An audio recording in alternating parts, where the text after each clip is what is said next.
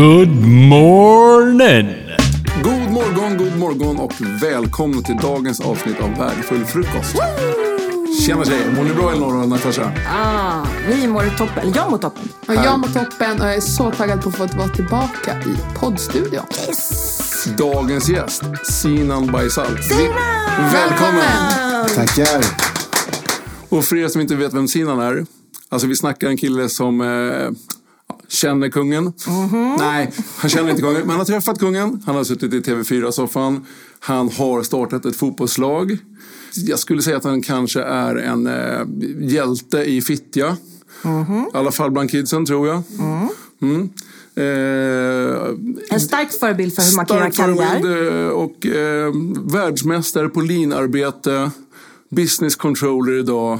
Mm. 13 IG på gymnasiet. Det också. Vi kommer prata om alla de här grejerna. Välkommen Sinan! Yay! Tackar. Välkommen. Tackar, tackar. Känns väldigt välkomnande och trevligt att vara här. Ja. ja men alltså, det är ju lite speciellt. Det säger jag varje avsnitt, men det är faktiskt sant.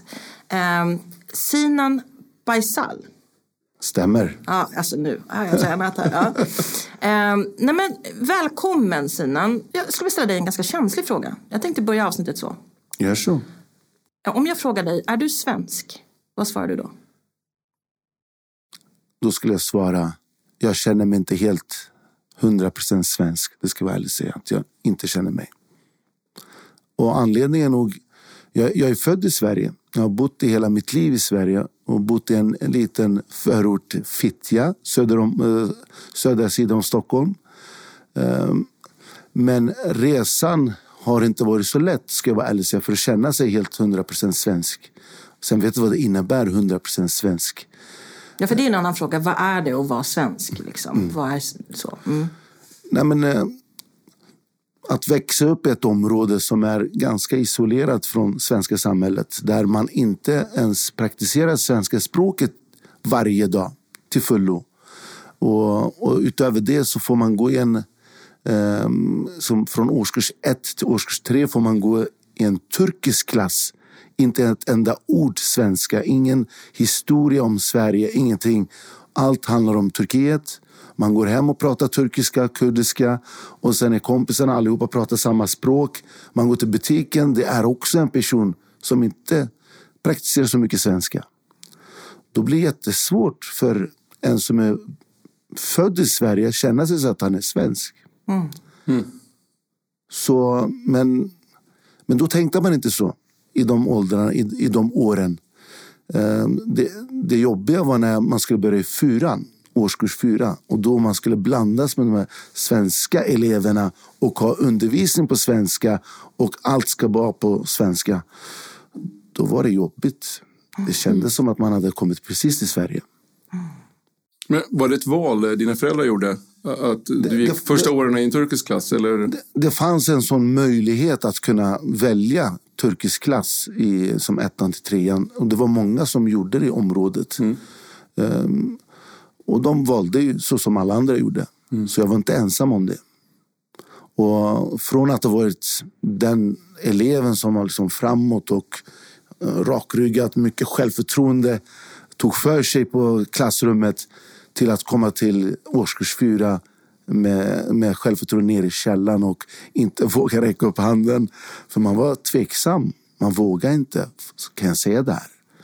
Och klassredovisningar, det var jag livrädd för. Det tog många år att bygga upp det självförtroende jag har idag. Men vad var det som... Eller jag blir nyfiken på nutid då. Hur, hur, om du kände dig...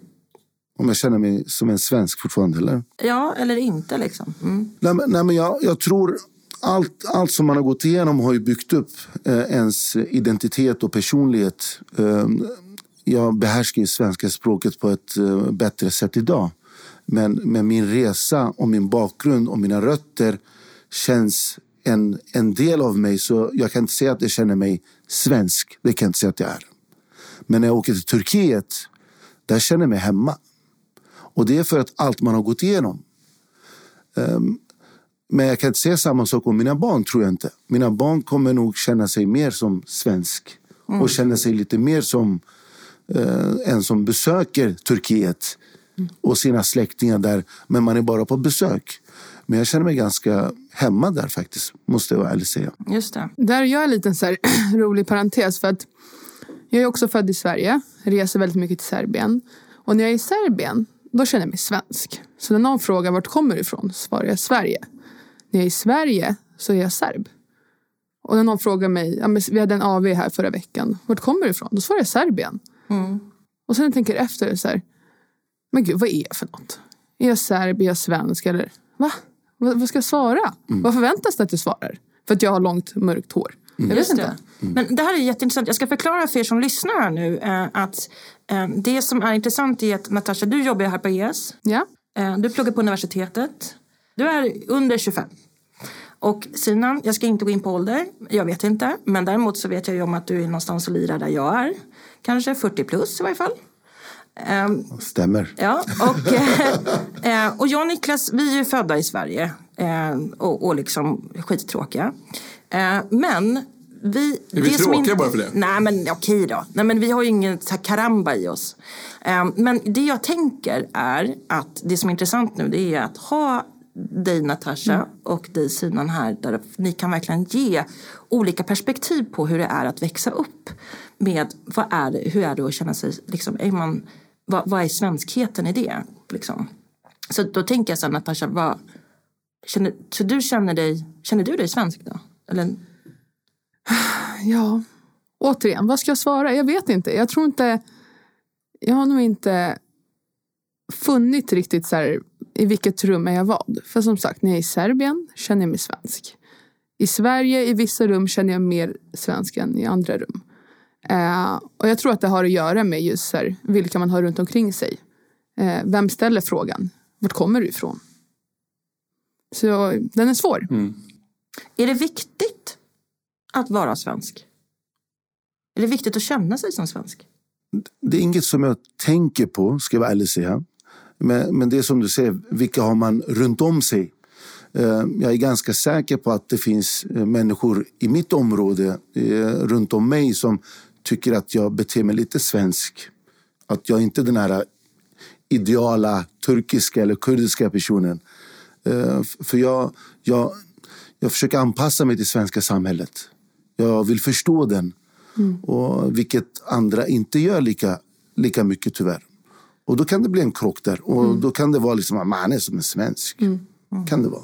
Och det är jättemycket igenkänning där. För att jag har tidigare barndomsvänner som säger så här. Men nu är du som en svensk. Varför pratar du så där? Och jag här. Vi bor i Sverige. Det är väl klart att man vill anpassa sig. Eller? Kanske inte är så klart för alla. Tiderna förändras ju, tänker jag.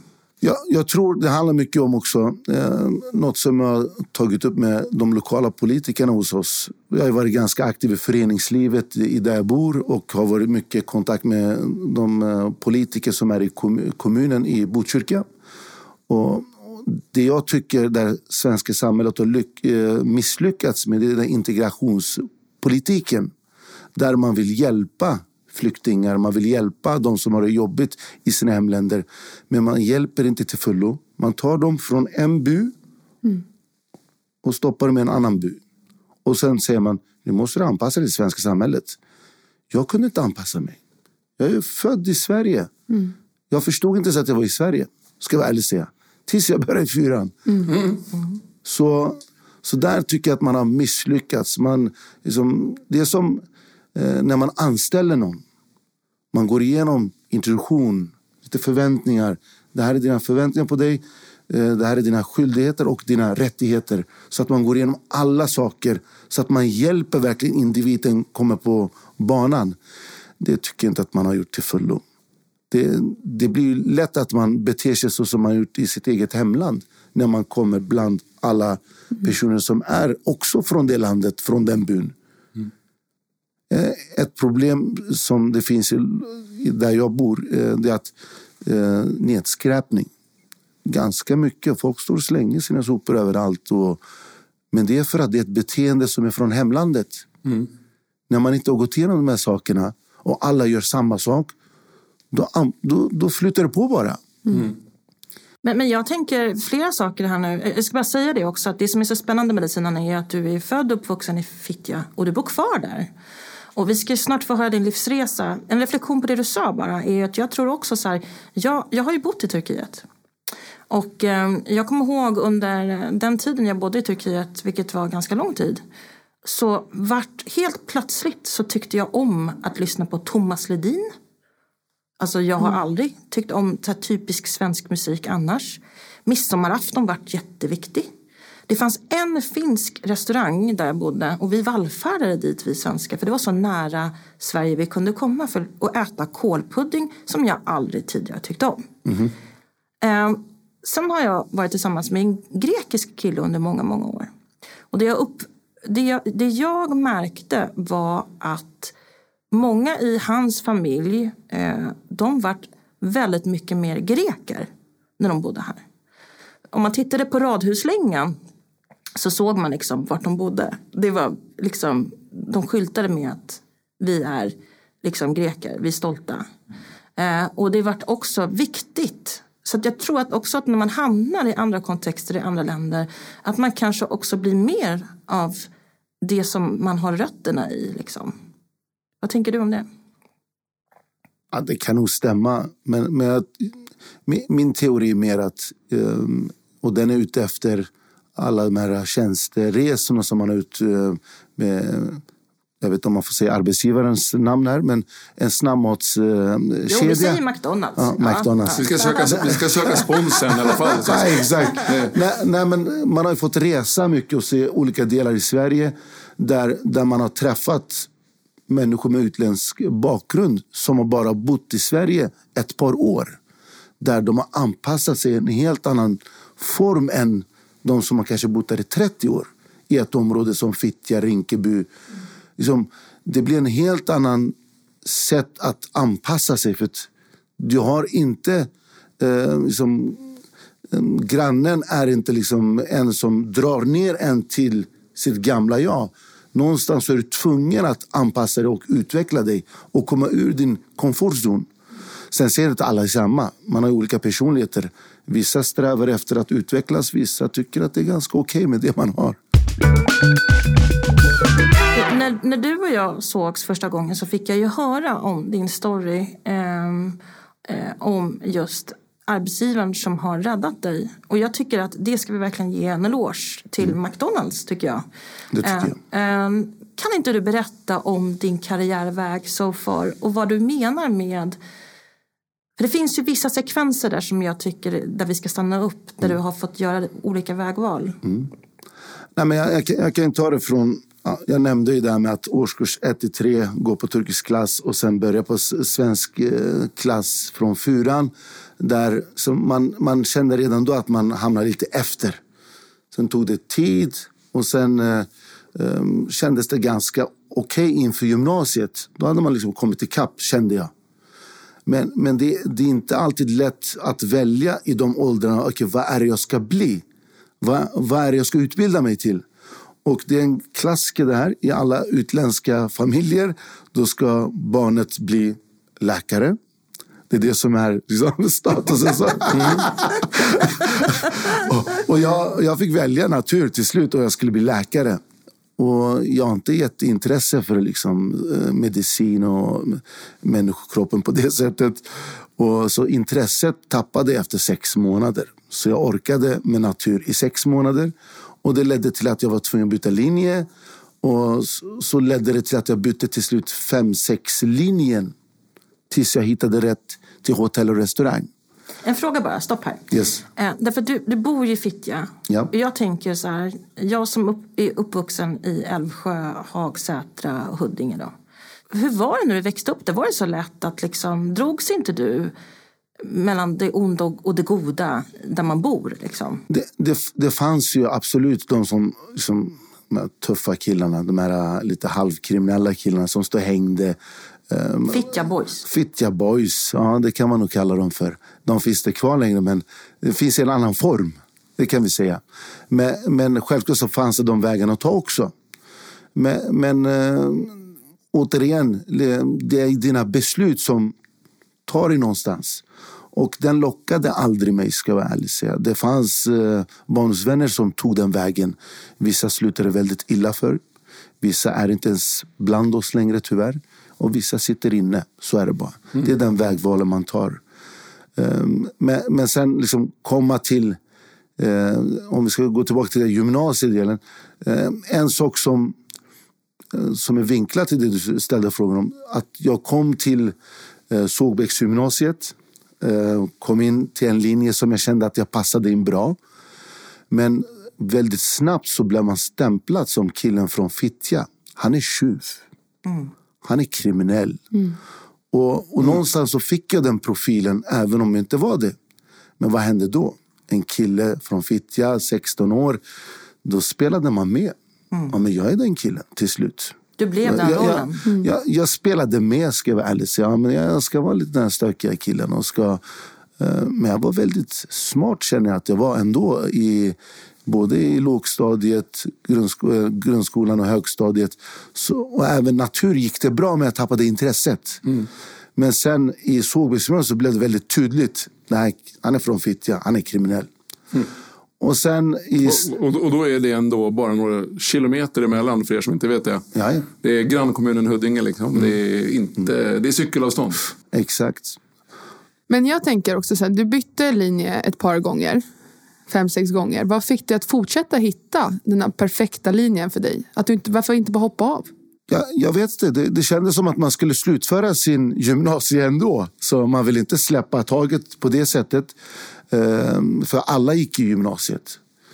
Ehm, Och i samma veva så började jag på McDonalds. Jobbade deltid. Fick jobbet med hjälp av en, en eh, kusin som jag kände som jobbade där. När, när du gick i gymnasiet eller? När jag gick i gymnasiet, exakt. Och, och en, en kille som är uppvuxen i Fittja där pappa har kämpat och slitit och få ihop ekonomin. Och helt plötsligt får man en liten slant i fickan. Eh, och man vill ju köpa bil, man vill ju köpa kläder, man har ju sina behov. Och, och så, ja, man, man tänkte lite annorlunda. Och då blev helt plötsligt jobbet viktigare än skolan. För där var jag ändå en kille från Fittja som alla såg på ett visst sätt på. Här kunde jag liksom ändå jobba, tjäna lite pengar. Och ju mer tiden gick så blev det mindre skola, mer jobb och mer sparande. Till sist så köpte jag bilen som jag skulle köpa också. Men, men jag kan inte säga att jag var jätteseriös på jobbet då. Det var mer gå dit, jobba. Eh, Behövde de hjälp kanske ställde inte upp varje gång. Och, och lite, lite den där fittiga grabben-känslan hade jag fortfarande. Den kaxiga förortskillen. Försökte man spela att man var. Och, och sen tog slut, eh, skolan slut. Konstigt nog så fick jag ta studenten med 13 IG. Hur det gick till vet jag inte, men jag fick springa ut med min mössa. Grattis! Ja, tack så mycket. Och sen, och sen efter det så insåg jag, oj, vad har jag gjort nu? Antingen måste jag komplettera betygen eller så måste jag tänka på att liksom, hur ska jag försörja mig? Och då gick jag fram till restaurangchefen på McDonalds och sa, jag skulle uppskatta om jag kunde få en heltidstjänst. Och han satt i sin kontor och så tittade han på mig och flinade och sa, aldrig i livet. Vilket jag klandrar honom inte på något sätt. Eh, säkerligen jag har bidragit till det genom att inte vara helt seriös, kanske inte hjälpsam varje gång. Men den triggade igång någonting hos mig när han stod och flinade och sa aldrig i livet. För han stod ner på mig. Och jag är tacksam för att han gjorde det. Han väckte någonting i 20-åriga sidan. Det gjorde han faktiskt. Så jag, jag slutade från den McDonalds-restaurangen och så fick jag jobb i en annan lite längre bort. Så man behövde pendla liksom en timme för att komma dit. Så från att åka tunnelbana tio minuter så fick jag åka en timme dit, en timme tillbaka. Så en jobbigare väg att ta. Men där var jag ändå inställd, men nu ska jag visa honom. Och så började jag och så steg för steg. Från, restaurang, från eh, restaurangmedarbetare, stod i köket till att bli kökschef, till att bli skiftledare, assistent. Och efter tre år så kom jag tillbaka till den restaurang som inte fick heltidstjänst som restaurangchef. Det är en resa som jag är jättestolt över och vill dela med mig. Så, så det, det, kan, det går inte alltid som man har tänkt sig. Man gör fel under resans gång. Men när väl du har bestämt dig och vill göra det lite obekvämt, det finns. Det finns någonting som väntar på alla.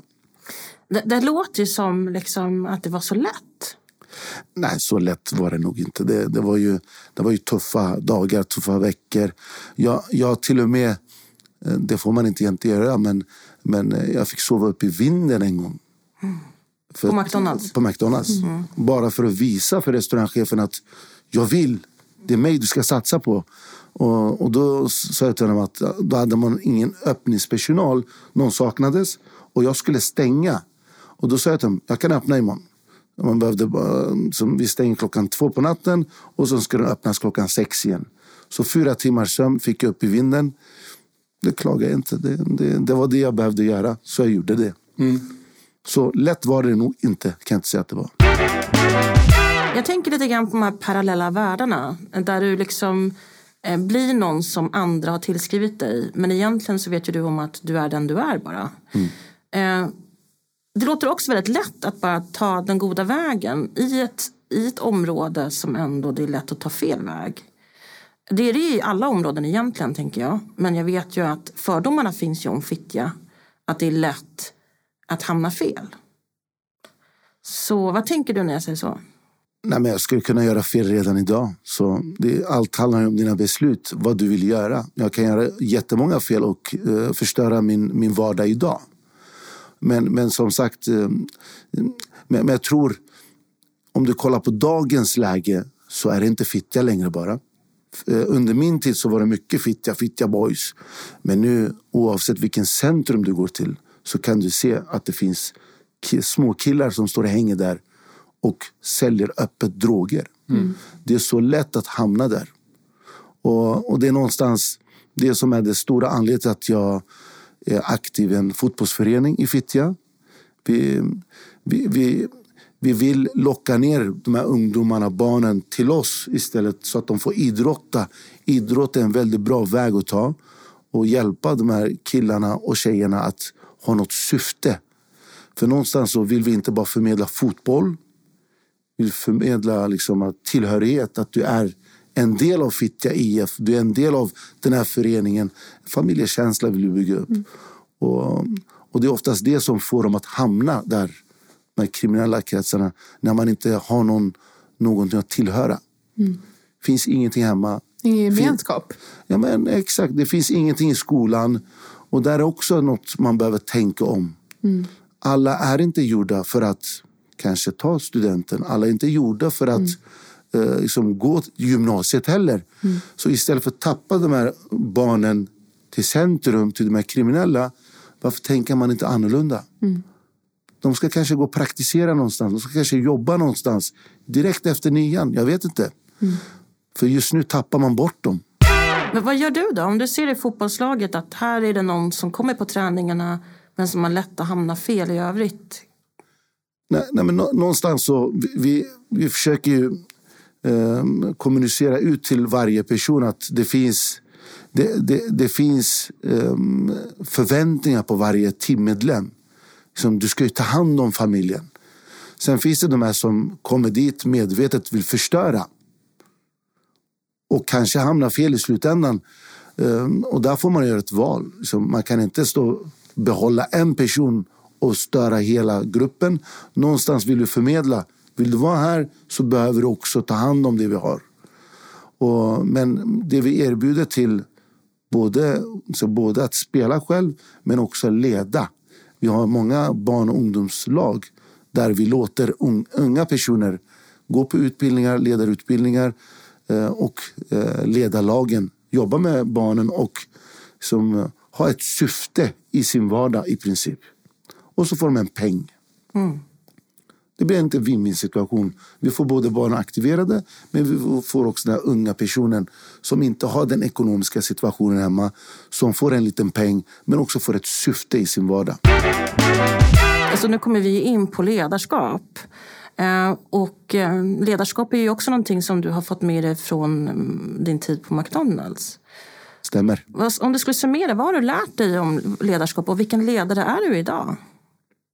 Nej, men jag tror man har ju en personlighet från grunden, tror jag. För det är många som går på de här eh, ledarutbildningarna på McDonalds. McDonalds är ju föredömligt när det gäller eh, som utbilda sin egen personal. Både från som rekrytering, introduktion men också vidareutveckla människor. Och, och där har jag gått en massa interna utbildningar. Och man ser ju på olika sätt, man tar till sig på olika sätt. Och jag tror någonstans så har jag en grund som, som är mottaglig för den budskapen som eh, förmedlas ut. Um, jag, jag, jag vill framstå som en person som är tydlig, som är seriös, men förstår att man är olika. Någonstans så behöver man vara anpassningsbar som ledare. Du behöver förstå att alla är inte du. Och alla kommer inte förstå det du säger. Och jag kan stå och säga hur mycket som helst här. Det enda ni kommer komma ihåg främst det är nog känslan som jag förmedlar ut. Ni kommer inte komma ihåg alla orden jag säger. Och det är lite det man behöver tänka på som ledare. Att du har olika individer. Du behöver nå alla på deras egen plan. Eh, en sak som jag hade med i min, eh, i min agenda när jag utbildade ledare på McDonalds var att då hade vi de här McDonalds kaffemuggarna. Och, och, då, och då gjorde jag en powerpoint-presentation på det här. Och så sa jag att en mugg har du kaffe. I en annan har du cappuccino. I den andra har du te och så har du O'boy. Ditt ledarskap och kommunikation är te, hetvatten. Du tillsätter där i varje kopp. Vad händer? Det blir olika produkter. Mm. Men din kommunikation, ledarskap är samma. Mm. Och så blir du så här frustrerad. Du säger, fan, den första tillsatte jag det här. Det blev kaffe. Kolla vad duktig jag är. Mm. Jag vill ha kaffe. Och så tillsätter du nästa. Det blir cappuccino. Du säger, vad är det fel på honom? Han är konstig. Jag gav honom samma information som den andra. Jag ville att han skulle bli kaffe. Men han blev inte. Han är dum i huvudet. Jag kan inte ha kvar honom. Och så gör du samma sak på nästa. Blir te. Blir O'boy. Så tycker du att alla är dumma i huvudet. Men någonstans behöver du anpassa dig efter personen. Lite en sån eh, sätt att kommunicera ut ledarskap och kommunikation. Mm. Gud, vilken fin, äh, ja, fin metafor för mm, ledarskap. Mm. Så idag när du är ledare i fotbollslaget, eh, funkar det här? Ah, till viss del. Eh, där är ju mer... Så där vill man ju inte ha elva kaffe. Där vill man ju ha en cappuccino och en kaffe och en te. Ja, exakt. nej, nej, nej. Alla ska vara olika där liksom. Nej, men jag, när vi startade eh, föreningen, det var en eh, skolprojekt från början. Det var en lärare som hade startat igång för att hålla igång ungdomarna och barnen i Fittja. Och det var liksom skol-DM och ja, lite en annan form av... Men det var ingen förening. Och så gick han i pension den här läraren. Och då sa jag till min barndomsvän eh, som vi redan hade startat igång ett lag för våra pojkar. Och det var där vi klev in. Och då kände vi, fan vi måste göra någonting av det här. Och jag hade så mycket kunskap som jag ville bara till området som jag hade fått från McDonalds. Och jag tänkte, fan vi kan göra något riktigt bra av det här. Och så började vi liksom uh, göra det till en föreningsform. Från att ha haft all material i min garage. Mm. Jag bor ganska nära fotbollsplanen också. Eh, har vi idag en bra anläggning med hjälp av Botkyrka kommun självklart som har gett oss förutsättningarna. Men det har varit många möten. Så har vi liksom tio lag. Vi har ett A-lag som vi startade eh, år 2016. Och det är också en, ett beslut som man tar, man gör obekvämt för sig själv. Mm. För jag sa till min kollega, men vi behöver starta ett A-lag för att ge en längtan till våra killar och killarna efter dem. För det är något som jag lärde mig på McDonalds också. Det är att det som får människor att vakna dagligen och göra en viss moment, det är på grund av längtan. Mm. Du längtar till något. Du längtar till helgen, du längtar till eh, lönen, du längtar till semestern. Uh, och sen uh, det där är bara jobbet, sen familjelivet där barnen går i olika åldrar. Du längtar alltid till någonting. Och då kände jag att vi måste starta ett A-lag. Och min kollega bara, nej men det här nej, du kommer stöka för oss. Det här är ganska bra som det är. Låt det vara. och så, så jag var envis. Nej, men jag ska göra det här. Mm. Och så samlade jag killar från orten. Eh, vissa stökiga, vissa lite lugnare. Och så är vi liksom 30 personer i en sporthall där adrenalinen är ganska hög. Och jag hade redan sagt till killarna, blir det bråktjafs, jag blåser, alla går ut. Och så går 20 minuter bråk. Eh, drar i pipan, alla går ut. Andra träningen börjar vi, 30 minuter, bråk, pipan, ut. och sen tredje gången, då hade de börjat förstå. Och sen var jag tvungen att välja bort vissa killar som var lite stökiga. Och så jobbade vi sex månader. Och i sex månader, det var inte bara fotbollsövningar. Det var mycket där vision. Vad vi ska uppnå. Vi ska, vi ska förändra samhället Fittja. Vi ska skapa något positivt. Vi ska öppna alla dörrar för våra barn. Och de här killarna står i sex månader, jobbar stenhårt och de tänker på de här orden hela tiden. Och så kommer första dagen, vi ska spela premiärmatch, division 7.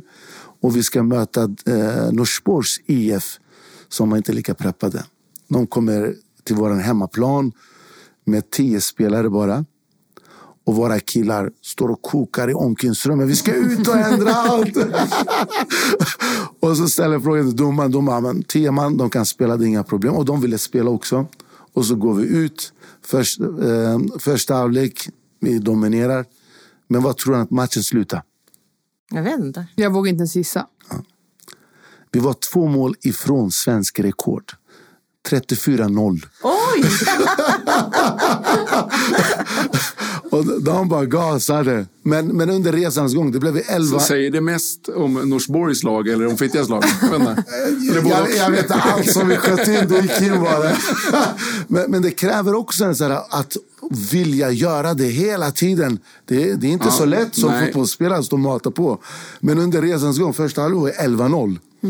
Och sen gick det typ 15 minuter av matchen. Så tryckte vi in kanske 10 mål till. Och då helt plötsligt kommer min så här, tävlingsinriktade eh, personlighet fram. Grabbar, vi kan slå rekord. Och då gasade vi. Sen, jag förstår att det var inte kul för Norsborg, men, men att samla killar som inte har något syfte och ge dem ett syfte, det blir powerful. Alltså. Det blir riktigt kraftfullt. Men nu blir jag jättenyfiken. För att det du gör för de här barnen, ungdomarna, betyder jättemycket. Och, bet- och det ger ju säkert dig också någonting. Men vad motiverar dig? Alltså så här, du möter på motgångar. Det är inte alltid lätt att ha att göra med tonåringar. Eh, möter på i privatlivet. Så här, vad får du att fortsätta? Du kanske inte har med dig samhället varenda gång, men ändå så kämpar du på. Nej, men jag tror... det- Det är nog någonstans så, så- vill man bidra till någonting. Det, det, är den, det är den viljan, det är den energin. Och sen tror jag att... Ja, nå- någonstans så vill jag tro att det går att skapa någonting väldigt positivt av det här. För jag vet att i, våra, i, i vårt område där, det, det är jobbigt, det är motgångar. Men det finns en sån värme, en sån känsla. Som våra hemmamatcher, vi är 300 personer i publiken. Det är bara division 4. Och då kom alla ner med familjen. Och jag tror, när jag var på McDonalds i Södertälje, Moraberg, när jag drev den som eh, restaurangchef. Då sponsrade jag eh, Syrianska FC som var i superettan. Någonstans där tror jag att eh, tanken kom. Fan, vi sk- jag skulle vilja ha en sån här för mitt eget område också. För det var ju familjer som kom och ville titta på matchen, stötta sitt lag som är deras lag. Kände jag det här, det här skulle jag verkligen vilja att mitt område fick uppleva också. Idag till viss del så kan vi erbjuda det i division 4. Så, men motgångar finns det absolut. Jag har fått mycket kritik. Jag har fått mitt namn uppskriven på väggar eh, och inga så här, inspirerande meningar. Det är inte. Kritik har man fått. Och, och det, det finns ett ordspråk på turkiska som säger den, det trädet som ger frukt stenar man. Kan du inte säga det på turkiska? Eh, Meyve veren ağaç taşlanır. Ah, vackert. Så nej men, det är något man får liksom räkna med under resans gång. Motgångar kommer komma. Och det har varit en hel del, absolut. Många som jag träffar och, och, på intervjuer och sådär, de kan berätta om en bakgrund som de har tagit sig ifrån på ett eller annat sätt. Man är uppvuxen i ett samhälle. Men eh, sen så har man bytt karriär. Man har vänt bladet, gått vidare. Det som är så häftigt med dig Sinan är ju att du har gjort precis det här fast du har inte flytt från Jag, ditt område. jag har fått den frågan många gånger. Varför, varför är du kvar? Får jag frågan. Och jag, jag vet inte, någonstans, jag är granne med mina föräldrar också. Och i våran kultur är det lite att den yngsta barnet ska ta hand om föräldrarna. Så jag är väldigt plikttrogen också. Så, men, men jag trivs. Jag vet inte, det kan ha med att eh, det är de eh, barndomsåren där jag aldrig helt känt mig som svensk. Men jag har syskon som, som har gjort den resan som du nämnde nu. Att de, de flyttar från området och eh, lever sina liv någon annanstans. Men jag har aldrig känt så. Jag har känt mig att här trivs jag. Jag har alla mina barndomsvänner här. Jag, och sen nu när vi skapade det här Fittja IF och den här föreningen så, så är man helt bunden på ett helt annat sätt. Och- Men jag trivs. Det finns busar, det finns kriminella, men jag känner dem också. Ja, men Det var det jag tänkte säga. Jag bodde i Hagsätra i många år. Jag var aldrig rädd. Nej. Alltså jag var ju en del av liksom, samhället. Eh, Jag åkte tunnelbana mitt i nätterna. Och, så, och det kanske i och för sig har att göra med också att jag var yngre och ganska naiv och orädd. Men jag kände mig aldrig rädd. Så hamnade jag i Hagsätra för ett tag sedan skulle jag hämta min syrra vid tunnelbanan. Och kände hela hjärnan bara skrek att jag så här, fly, fly, fly. Mitt på dagen. Eh, Jag kunde inte alls känna det som jag trodde att jag skulle känna, mig hemma. Ehm, så det där är intressant tänker jag. Att också på grund av att man flyttar ifrån någonstans, kommer tillbaka, får se med andra ögon. Man är inte en del av samhället på samma sätt längre. Men du Sina, kan inte du berätta om vad du gör idag? Idag jobbar jag som business controller i ett företag där jag jobbar med ekonomikontroll. Ehm, Jobbat senaste tre åren ungefär i Stockholmsregionen. Men nu har jag blivit befordrad till att jobba i Sverige-nivå. Så det går bra. Mm. Och du är ledare idag också på jobbet. Ah, informell ledare skulle jag kalla det för. Jag, inte, jag har ingen personalansvar, men jag är i direkt kontakt med människor hela tiden och eh, ger dem information om hur det går. Så mitt jobb är att se till att det finns uppdaterat data så att vi vet om hur det går och sen att påverka besluten utefter det. Du, du är ju en kär förespråkare av lean. Yes, Ja, absolut. Kan du berätta lite grann? Hur... Nej, begreppet lean har jag eh, faktiskt eh, kommit i kontakt med, i, eh, med med hjälp av en person som, jobbar, som jag jobbar med idag. Som är min chef faktiskt, min närmaste chef. Robert Kusén heter han. Som är eh, en lean-guru. Han har jobbat i Scania i många år. Men, men när väl jag liksom kom i kontakt med det så kände jag men det här har jag jobbat med hela tiden. På McDonalds. Det här är ju allt lean. Allt är liksom genomtänkt i processer. Eh, liksom rosten, hur, hur länge den ska rosta. Fritösen är också tillsatt. Grillarna. Eh, man ska liksom dressa de här hamburgarna på en viss tidsaspekt. Och, nej, men allt var i lean där. Alltså. Så jag, det var inget obekant. Så jag, jag gillar det här med processerna. Det ska vara ordning och reda. Och det ska ta tid och det ska vara liksom eh, tydlig. Just det. Du har träffat kungen. Det har jag gjort. Kan inte du berätta om, om hur kom det Best sig? friend. Och det vi alla har väntat på. Ja, just det. Nej, nej, men under resans gång på McDonalds återigen så, så lärde jag mig en sak. Det att om det kommer någonting, något dörr öppnas, våga gå in. Var inte rädd. Så attackera dina rädslor. Eh, och efter ett tag så förstod jag att det här hjälper. Det funkar på riktigt alltså. Och sen eh, av någon slump så går jag runt med en, min barndomsvän som har varit aktiv med mig i Fittja IF. Och, och, och så träffade vi på min pappa som har varit aktiv i eh, Fittja moskén så många år. Jag har aldrig nämnt det för honom att jag vill också vara aktiv i moskén i styrelsen och hjälpa till. Men min barndomsvän bara säger spontant, ja men eh, behöver ni inte fler medlemmar i styrelsen? Eh, jag skulle vilja eh, hoppa på liksom. Och jag sa ingenting. Och så kom min pappa och säger till mig efteråt. Han bara, ah, men jag tycker du ska nog kliva in och avlasta mig. Och hjälpa mig. Liksom. Jag är trött. Och, och då återigen den här eh, hjälpsamma, eh, plikttrogna sonen ska hoppa in och hjälpa sin pappa självklart. Och då hoppar jag in där och pappa kliver ut. Jag går in i styrelsen. Och där i samma veva som jag går in hade man gjort en ansökan på bönutrop första gången i Sverige. Mm, just det. Och, och, Hur länge sedan var det här? När var det? Ja, det här var kanske, ja, jag vet inte, tio år sedan kanske. Eller? Mm. Borde det vara. Ungefär. Och, och då kom jag in i styrelserummet och varit på McDonalds och liksom kan det här med kommunikation, leda. Och då insåg de snabbt att den här killen eh, kan ju hantera kommunikation. Och då fick jag äran att bli presschef. och det här var ju Många extremt. strängar på lyran. Ja, alltså. ja. ja. Och, och, och återigen, nej, men jag ska attackera mina rädslor. Jag hoppar på det här också. Mm. Och, och, men jag insåg nog inte vad jag gick in på.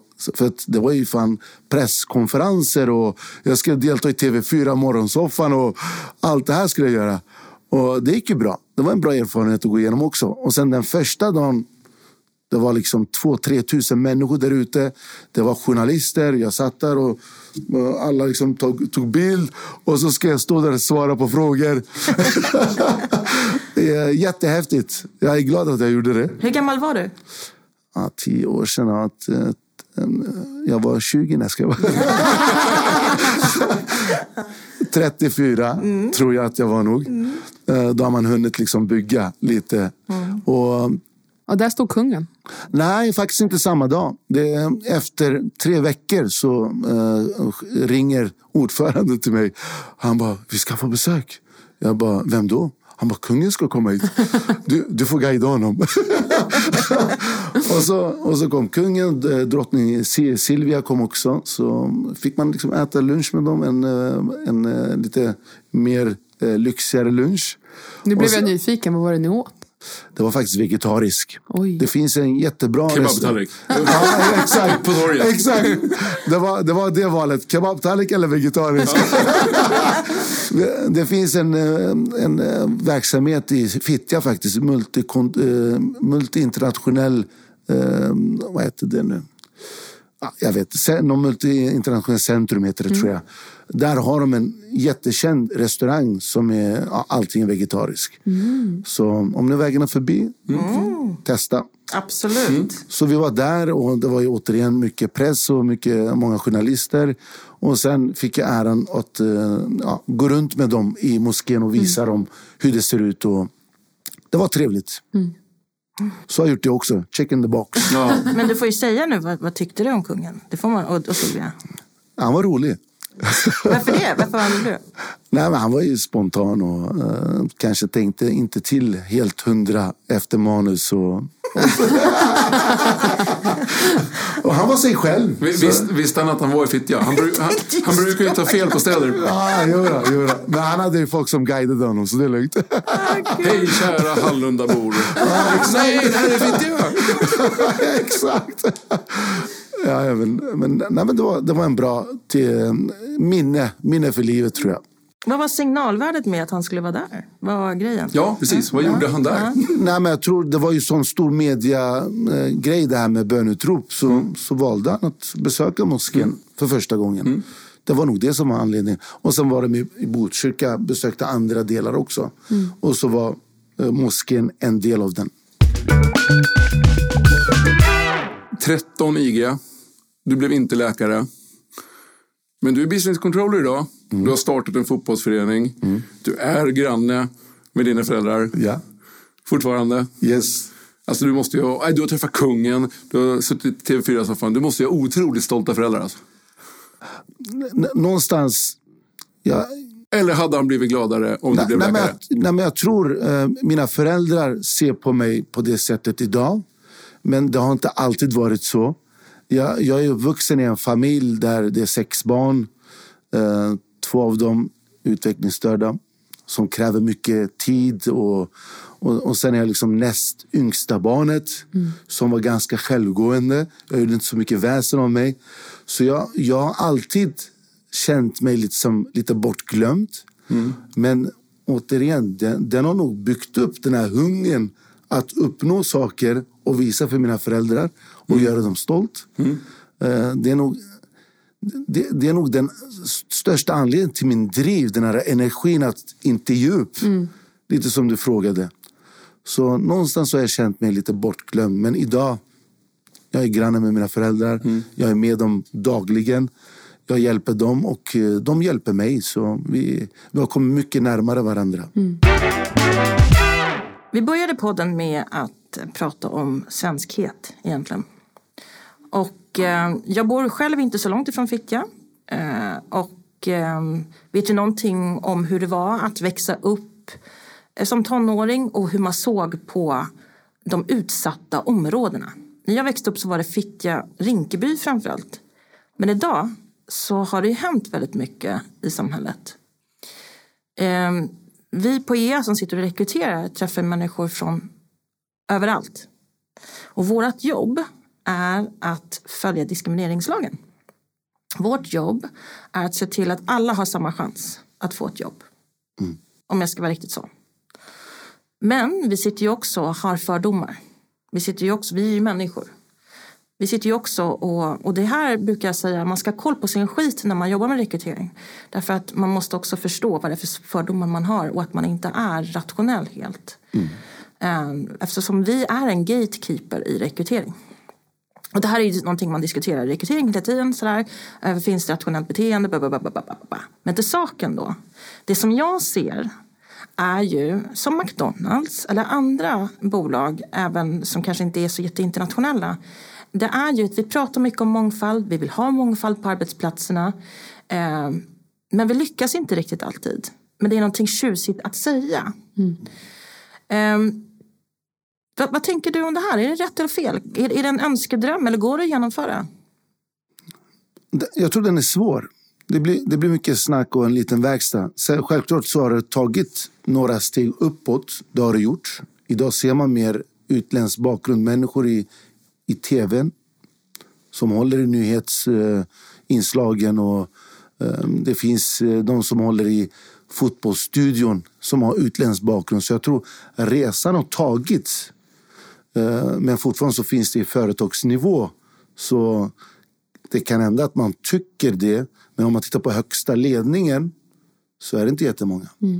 Det är, det är, den stora skalan är svenskar. Och att man pratar mycket om mångfald. Och sen så, vi har hierarkier i företag där man har, ett, precis som du nämnde, ett toppskikt av kanske svenska. Eh, och sen har man en produktion som består av eh, icke-svenska. Och så tänker man att nu har vi jobbat med mångfald. Man Ja, verkligen det? exakt. Vad är det där? Och, och, och eh, jag tycker det är så intressant därför att någonstans när man sitter och pratar från HRs perspektiv det är ju att um, men vi kan ju konstatera att det inte är fred på jorden. Vi människor på det här jordklotet, vi kommer inte överens.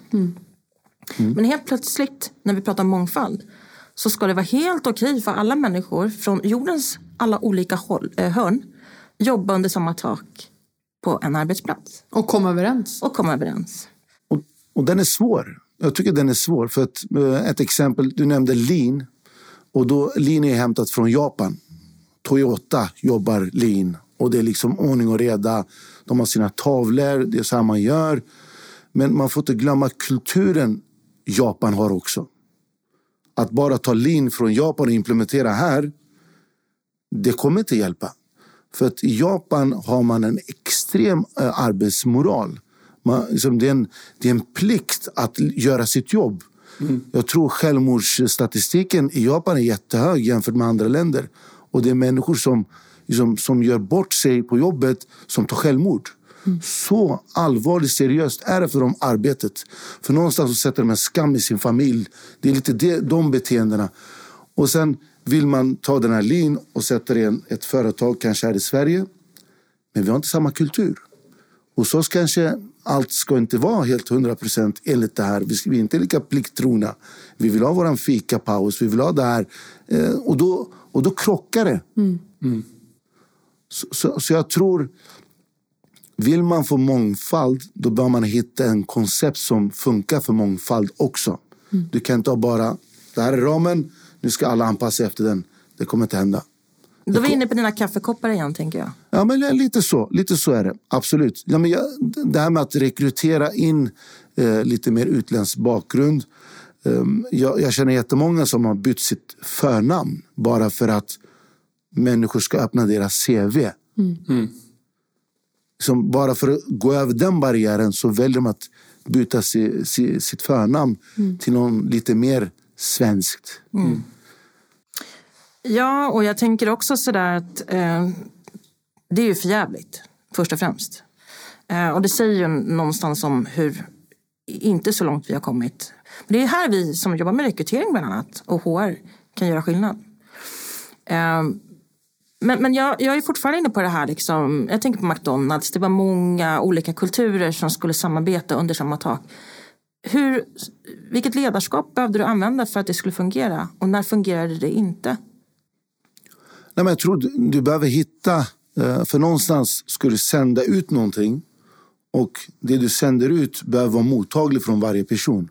Ett exempel när jag flyttade till eh, från Folkungagatan, McDonalds som är lite mer central eh, där ja, det var mycket fyllerush på nätterna som det var jättemycket. Där behöver man jobba annorlunda. Sen kom jag till Moraberg, Södertälje. Det var precis samma veva där Irak eh, som invasion av Irak sattes igång. Och det var många flyktingar som kom till Södertälje specifikt. Jag tror Södertälje tog emot mer än vad USA gjorde, ett, eh, ett exempel. Antal flyktingar. Och, och då var det lite så här, usch, var jag har hamnat någonstans. 80 procent av bemanningen är från Irak. Jag kanske inte förstår dem helt hundra, även om jag inte känner mig svensk. Men, men att förstå dem helt hundra, det kunde jag inte heller göra. Så min, min första mission var att hitta de rätta ledarna för dem. Att kunna leda dem. Och då började jag liksom prata med rätt personer och börja motivera dem. Och det jag försökte sända så att de är mottagliga för den. Så de blev mer en, vad ska jag säga, en kanal för att kunna nå resten. Och, och kunde du se någon röd tråd där? Vilka var de rätta ledarna? Handlade det om att man kom från samma land? Eller? Det, det blev så. Det blev så. För någonstans så... Eh, om, om du kommer från Irak det, man funkar på ett sätt. Det är samma som, som, som i Japan. Om, om du hämtar en hel bu från Japan och sätter i en, eh, i en restaurang eller i en fabrik då behöver du första steg ha någon från Japan för att leda dem. Sen successivt kanske ändra. Men i första steg så såg jag att det här var det bästa sättet att göra, att nå dem. Just det. För där har jag ju sett många arbetsplatser som har misslyckats totalt. Eh, Jag jobbade till exempel på ett internationellt företag som jobbar med bussar. Och eh, det är människor från alla håll och kanter som inte kunde samarbeta på golvet. Därför att de har haft historiskt sett en konflikt. Inte de två personerna, men deras rötter. Eller så är det en pågående konflikt. Där cheferna hade jätteproblem med att få dem att separera från jobbet och separera från eh, den här politiska konflikten. Nu är jag lite slarvig när jag pratar, men det är bara för att vi ska förstå vad jag vill komma till. Vad, vad tänker du här? Nej, men politik är ju en eh, känslig punkt. Och, och om man inte kan släppa det när man kommer till jobbet, det kan bli konflikter. Det är ju samma som med fotbollen också. Det finns ju länder som, eh, där det finns de här derbymatcherna. Det är så mycket känslor. Eh, jag såg en dokumentär där två turkiska lag, när de möts, Fenerbahce mot Galatasaray. Med galna? Eh, liksom, där, de, där dokumentären, där står det två bästa vänner. Det är barndomsvänner. Ena hejar på det andra laget och sen den andra. De bara, vi står och möts på gatan med våran grupp. Han bara, vi har så här järnrör i handen. Jag börjar slå honom, säger han. Det blir så mycket känslor. Jag vet inte var de känslorna kommer ifrån. Hur kan man ens gå till den nivån? Men, men det är lite den kulturen, var man är uppvuxen. Och jag vet inte. Jag, jag själv är inte jättepolitiskt engagerad så för mig är det jättesvårt att förstå de beteendena. Men det, det jag kan relatera till det är känslor. Ehm, jag kan relatera till det här. Via McDonalds så var, åkte vi till olika eh, länder för att gå på olika utbildningar. Vi var i London där vi skulle eh, gå på någon eh, consultant-kurs. Och, och, där fick vi en uppgift där vi skulle välja att välja två olika personer. Ena på jobbet och den andra någon som du känner bra. Då valde min fru. Och den andra valde en franchisetagare. Mm. Och jobbmässiga, då var jag mycket så här faktabaserad. Jag var lugn i min ton. Jag liksom höll mig till ämnet bara. Men när det kom till min fru, det var bara känslor. Det var bara känslor. Det var ingen kontroll, ingenting. Så, så jag tror så fort känslor kommer in i bilden mm. så blir det jättesvårt att kontrollera den situationen. Mm. Natasha, du har ju också erfarenhet av att eh, liksom den här politiska konflikten och hur den kan bli synlig i vardagen. Mm. Eh, kan du berätta lite grann om din erfarenhet? Nej, men där, först, jag hör verkligen Sinan vad du säger. För att känslor, det har vi alla. Och det är väldigt svårt. Och även om man inte alltid, jag inte alltid kan relatera till vissa känslor så har jag ändå en förståelse. Där jag har en nära familjemedlem som faktiskt jobbar som busschaufför eh, och hade, skulle utbilda ny personal. Men det fanns ett litet problem. Och det var en person som skulle gå på utbildningen och hennes bakgrund. Där han var så här, jag tänker inte göra det här. Det var för känsligt. Och det var bara för att det fanns en konflikt mellan ja. länderna? Mm. Det var en ung person. Men ändå så stod det kvar att så här, nej, det väcker för mycket. Jag kan inte göra det. Där jag var så här, men va? Det är ju ditt jobb. Det är klart du ska göra det. Nej. Om det krävs att han inte har kvar jobbet så är det fine. Mm. För att han tänker inte. Eh, nej, han tänker inte. Han, det, det väcker för mycket. Eh, och helt enkelt så, så här, där, ingenting var avgörande förutom att så här, hans val att inte göra det. Och där är så här, jag vill förstå eh, det resonemanget, men jag gör det inte. Vad är det som gör att du inte förstår? För att jag tänker att så här, men nu är vi här. Släpp det där. Det har varit. Och då får jag svara, det är lätt att säga så för dig. För du har inte varit och flytt eh, den situationen. Mm. Vilket är lätt att förstå också. att De har ju gått igenom en resa mm. och uh, lidit under den här resan som har skapat mm. de minnena. Och jag tror varje gång um, han ser den personen som egentligen har inget med det här att göra mm. så relaterar han till de minnena och det blir för mycket. Mm. Kan jag tänka mig. För jag är i samma bana som dig. Jag, jag förstår inte för mm. jag har inte upplevt något sånt. Mm. Men och då tänker jag så här. Om man pratar framtid. Konflikterna kommer kvarstå på ett eller annat sätt. Det kommer nya konflikter. Det kommer nya. Mm. Vad ska vi göra? Mm. Vad ska arbetsgivare tänka på? Mm. Ska, hur ska någon förstå de här konflikterna som inte har varit där? Jo men, jo, men någonstans så kan inte arbetsgivaren ta ansvar för de politiska konflikterna. Det man kan göra är, lite som jag nämnde innan, man behöver vara tydlig när man rekryterar. När man tar in, det här är förväntningar på dig, välkommen till den här familjen. Det här är, det här är dina skyldigheter, det här är dina rättigheter. Så går man igenom hela den detaljen. Jag tror många företag gör, gör väldigt fel. Man har en kompendium av saker som man ska gå igenom. En massa saker som ska signas. Mm. Och det, det, är en stor uh, häfte som ska gås igenom. Och så glömmer man bort det här viktiga. Den här känslan, tillhörigheten. Mm. På McDonalds gjorde vi så. Vi, centralt så var, var det den här kompendium som jag sa. Det var ett häfte som skulle gås igenom. Uh, det gjorde vi. Det var mer så check in the box. Nu är det klart. Allt formellt är klart. Men sen hade vi en A4-papper som var jätteviktigt för oss att gå igenom. Och det handlade om tillhörighet. Du kommer till det här teamet. Eh, du ska göra de här sakerna så att, så att det inte blir bara att ja, men nu, det här är din station, jobba. Mm. Stod det där att man inte får hamna i konflikt mm. på grund av sin till etnicitet? Nej, jag, jag, jag, tror inte, jag tror inte man kan ta upp Nej. det som ett ämne heller. Men jag tror, och det är därför det blir problematiskt, tänker jag. För att, hur ska, vart går gränsen då? Det, det, man kan göra är väl att säga någonting om eh, hur beteendena på arbetsplatsen förväntas. Alltså... Man kanske inte vet det om sig själv. Hur kommer jag reagera när jag möter någon från andra sidan? Man kanske inte vet, vet det om sig själv förrän man kommer dit. Ja, och jag tror att idag här, vi är så försvenskade i eh, svenskt näringsliv eh, har varit, jag menar, du och jag Niklas, vi, ja, vi är uppvuxna här i Sverige, precis som ni också här i rummet, allihopa här. Men vi kommer ju liksom från familjer som inte bär på en historisk konflikt med Norge eller Danmark. Vi har ju inte haft några konflikter. Eh, så vi kanske också, jag tror så här att eh, det blir också så här ett snack om vi och dem. Det blir ju så på arbetsplatser också. Att man vill ignorera för att man inte är emotionellt ankrad själv i det. Man har inte förståelse för hur det faktiskt kan kännas på en arbetsplats. Eller i ett bostadsområde där alla tvingas leva ihop.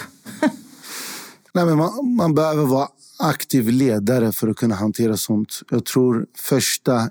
Eh, liksom, det, det här kommer inte som en bomb på en gång. Det är liksom successivt så växer det och sen till slut går det inte att hantera situationen. Som ledare behöver du vara närvarande. Du behöver vara med när väl de här små gnistorna börjar hända och reagera ganska snabbt. Det är nog det som är nyckeln, tror jag. Det jag upplever oftast det är när det inte går bra i, en, i ett företag eller en avdelning. Det är passivt ledarskap. Man tror att någon ska komma och lösa det här. Men det är du som är ledaren. Du ska gå in och leda den här gruppen. Eh, och, och felet man gör också är att man, man, man ger ledartröjan till en person som har kanske varit duktig på en uppgift men är ingen ledare. Då blir det också jättefel. Det, någonstans ska personen kunna prata, lyssna för det mesta, vilket är en bra egenskap en ledare måste ha. Och sen lyssna in på alla och sen säga ett klokt på slutet, sammanfatta och få gruppen att förstå. Det tror jag att eh, är en av de större bekymren i företag. Ledarskapsbiten. Jag eh, öppnade DN i morse och eh, såg dagen till ära att det faktiskt finns en artikel som berör lite det som vi pratar om just nu. Där det är en journalist som pratar om just problemet med att man definierar olika områden eh, eller personer som offer och vad som händer. Eh, och jag tänker på Fittja nu. Eh, så jag kopplar till Fittja och vad, vad som händer i, eh, vår omvärld eh, generellt. Ehm, och då kommer jag vilja diskutera med dig Sinan. Bara för att se. Jag läser texten innan till här lite grann kort. Gör så. Då säger journalisten så här. Så vad är då problemet med att definiera sig själv eller att låta sig definieras som ett offer? Sociologerna Bradley Campbell och Jason Manning har skrivit boken The Rise of Victimhood Culture. De har myntat begreppet eh, offerskapskultur. Förenklat kan man säga att vi lever i en tid där offerskap ger status. Och här gömmer sig en moralisk kultur där offerskapet anses innebära en hög grad av godhet och där offret anses ha en sannare verklighetsbeskrivning av sakernas orättvisa tillstånd. Omvänt blir det negativt att ha en position som klassas som privilegierad. Men, och det är viktigt, det är inte bara offret som får status, det är också den som rycker ut och försvarar den som anses vara offer. Mm-hmm. Vad tänker ni om den här texten? Nej, men jag tänker direkt på de valen som jag har gjort under mina yngre år. Jag, jag kunde lika gärna hamnat också i en sån offerkofta och tyckt synd om mig själv. Där skolan inte gick så bra. Ehm, där, där, där kanske svenska språket kanske inte var på, på den nivån som den borde varit på grund av de eh, åren som man har gått på turkisk klass. Ehm, så man, man, man kunde ha tyckt synd om sig själv och peka på alla och eh, inte ta ansvar. Så jag tror oftast det är en bortförklaring för att inte ta ansvar. Um, har resan varit lätt? Nej, det har det inte varit. Det har varit tufft vissa dagar. Och, men, men i slutändan om man har siktet mot att liksom till ett bättre liv uh, och, och våga möta dina rädslor. För oftast är man rädd också. Man vill inte göra det obekvämt och kommer jag klara eller inte. Jag, jag tror det här är lite större än, eh, än det där det artikeln och det, där skolsystemet också behöver liksom ifrågasättas. Alla behöver inte bli arkitekter. Alla behöver inte bli läkare. Men det är, det, det är där statusen är. Du går i skolan ska du bli det här. Man behöver se en annan väg så att man inte tappar de här personerna i unga ålder. Idag står 15-åringar i centrum. Och där tycker jag att så här, jag måste faktiskt eh, vara lite kritisk. För jag tycker att det är så lätt att dra på och kalla folk offer hit och dit för att man kommer från ett visst område. Vi lever trots allt i ett samhälle eh, där alla kan bli offer eh, oavsett vart du bor. Men jag tror att precis som du säger, att det är så lätt att kasta, men jag kommer från ett utsatt område, jag kan inte bli något. Nej, det är inte så. Du har samma möjligheter, det gäller bara att kunna se dem och göra rätt val. Du går i skolan. Är det rätt? Ja, det kan jag inte svara på, men du har samma möjlighet. Och det är det jag tänker är så här, vi bor också då i Sverige där alla går i skolan förhoppningsvis eh, och har möjlighet. Det är ingen bortförklaring att du bor i ett visst område. Man kanske behöver jobba en aningen hårdare, men det lönar sig. Men då tänker jag så här, eh, för det är ju, man kan ju spegla, varför jag läste upp den här texten, det är också för att någonstans säger man så här, om vi alla andra runt omkring står och säger så här, fittja, ja, by default, om vi har dig på intervju, till exempel Sinan, och du säger att jag är uppvuxen i Fittja och jag bor fortfarande kvar i Fittja.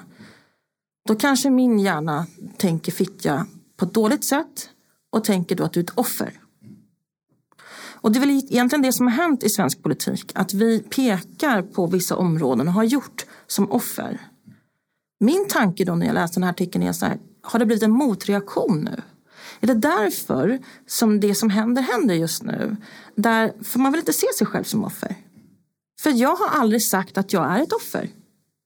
Utan jag vill, nu vill jag visa att det är inte synd om oss bara för att man, jag är inte en viss person. Precis som när du gick i skolan där, du blev en fittja kille. För att de tillskrev dig det. Blev du ett offer då? Nej, jag, den tiden tyckte jag att det var, det var ändå ballt att liksom vara den här killen som sticker ut lite grann. Och Då spelade jag med. Jag tror att det handlar om din, att det är sån du är som person. Medan vissa kanske faktiskt hade sett sig som ett offer. Att så här, nej, det är synd om mig. Nu, så här, man får bara bita ihop. Ja. Men jag tycker det säger ju någonting också vart du har tagit idag. Det är ju tack vare din personlighet och den du är. Och det har du rätt i. Jag tror, jag tror den här resan som jag har gjort handlar mycket om mina beslut och min personlighet i slutändan. Ja. Så, men, så tanken är att inspirera alla att göra sin egen resa med hjälp av sina egna beslut. Så är det bara. Och jag, jag tror de här områdena som är utsatta oftast bekymret eller den stora utmaningen som finns är ju föräldraskapet också. Det, det är inte många som äter middag tillsammans med sin familj liksom, och äter frukost eller någon måltid. Det, den här tillhörigheten finns, som jag sa, vi vill skapa med föreningen. Den biten, det, den, det som saknas vill vi ge till de här barnen. Och, och jag klandrar inte föräldrarna heller. De, de har inte heller den kunskapen, den erfarenheten eller kompetensen tyvärr. Att kunna förstå att det här barnet ska ledas. Och det, därför också tänker jag att det är viktigt att för skolor att kunna ja, men tänka om lite. Att försöka skapa mer gemenskap eh, och mer tillhörighet eh, för barnen. Ja, men jag tänker också så här. För det första, du Sinan då, som faktiskt eh, le- leder ungdomarna att också få dem att ha den självkänslan att inte tillskriva sig själv som offer. För by default så kanske du tar ansvar. Jag är inget offer. Men sen också det jag tycker är intressant är ju att i den här teorin jag läste upp så handlar det också om att de som är med och säger ja, du är ett offer. De vill rida på den här vågen av att bli offer själva. De vill inte erkänna att de står på andra sidan och pekar på någon. Utan Alltså, nu jobbar jag med mångkulturella frågor. Med de här offren. Ja. Och då blir jag själv på den goda sidan. Men, men, så det här är ju, tycker jag, en infekterad och jäkligt intressant diskussion. Hur vi ska hantera det här. För att om vi pekar på några och säger att ni är offer. Och så, och så står de där och säger så här, varför är vi det? Vi är inte offer. Vem har bestämt det? Nej, nej, men det, det, här med, det här med föräldraskapet också som jag nämnde. Det, det är inte något unikt i förorten. Jag tror eh, i de här områdena, Lidingö, Täby, så finns det också bekymmer där i form av föräldraskap där barnen inte hittar sig själv och också hamnar snett. Eh, jag, jag har ställt den här frågan till många föräldrar. Vad värdesätter du mest? Din bil, din hus eller ditt barn? Då blir oftast reaktionen, vad är det för fråga? Självklart mitt barn. Okej, skulle du kunna lämna din bil eller ditt hus till en främling du känner inte, måndag till fredag, åtta timmar, till någon? Och då blir frågan, varför ska jag göra det för? Det är min bil, det är mitt hus. Men du lämnar ditt barn till någon som du inte ens bryr dig om att gå och fråga, ställa frågor om ditt barn. Och då blir det helt plötsligt, oj. Jag lägger ner all min tid för att köpa huset, bilen. Barnet är helt glömt. Och så blir det helt plötsligt, oj. Mm. Det tänker man inte på. Och det, och det här är inte bara förorten. Det här är allmänt, även på bra ställen också. Ja. Där tyvärr barnet blir eh, som hittar ingen tillhörighet. Var tillhör jag någonstans? Och då söker man sig till de grupperna. Skolan är så tävlingsinriktad att man bränner ut barnet. För barnet kanske inte har någon eh, som kompetens inom matte eller litteratur eller vad det är för något. Och då halkar man efter direkt där och självförtroendet bara går ner i källaren. Och vad väljer man? För att göra lite väsen, då gör man lite busigheter, får lite uppmärksamhet. Och det här bara löper och löper och löper tills det blir okontrollerbar. Så jag tror skol, skolan bör man se lite annorlunda. Man behöver anpassa den utefter situationen idag. Ja, skolan kanske också ska ta ansvar och få eh, barnen att känna sig så pass värdefulla och inte som ett offer. Att inte, och vi som jobbar med rekrytering verkligen ska hjälpa till också med att eh, försöka sudda ut de här tankarna kring offerkulturen. Eh, det är ju, svårt med tanke på att vi alla bär på fördomar. Så är det ju. Så är Vi det. ska knyta ihop säcken. Sinan, vilken inspirationskälla! Tack för idag. Tack. Eh, vi har en avslutande fråga. När vi började planera avsnittet så tänkte jag så här, vad, vad vill jag ställa Sinan för avslutande fråga? Och jag kom fram till en. Och det är, vad hade du sagt till 20-åriga Sinan? Mm. Den var bra. Nej, jag skulle, jag, jag, säga, jag skulle inte ändra resan som jag har gjort. För den har ju tagit mig hit och skapat den här personen jag är idag. Sen finns det de här självklart minorna som man ska kanske slippa. Men jag skulle säga till honom, ge inte upp. Ha målet i sikte. Det kommer löna sig till slut. Och glöm inte att ha kul under resan. För det är något som jag kanske glömde lite grann. Ska jag vara ärlig säga. Eh, Den här killen som ska ta så mycket ansvar, är plikttrogen, vill göra sina föräldrar stolta. Har glömt bort lite den här glädjen under resans gång. Så det skulle jag rekommendera att han tänker på också. Tack! Tack så jättemycket.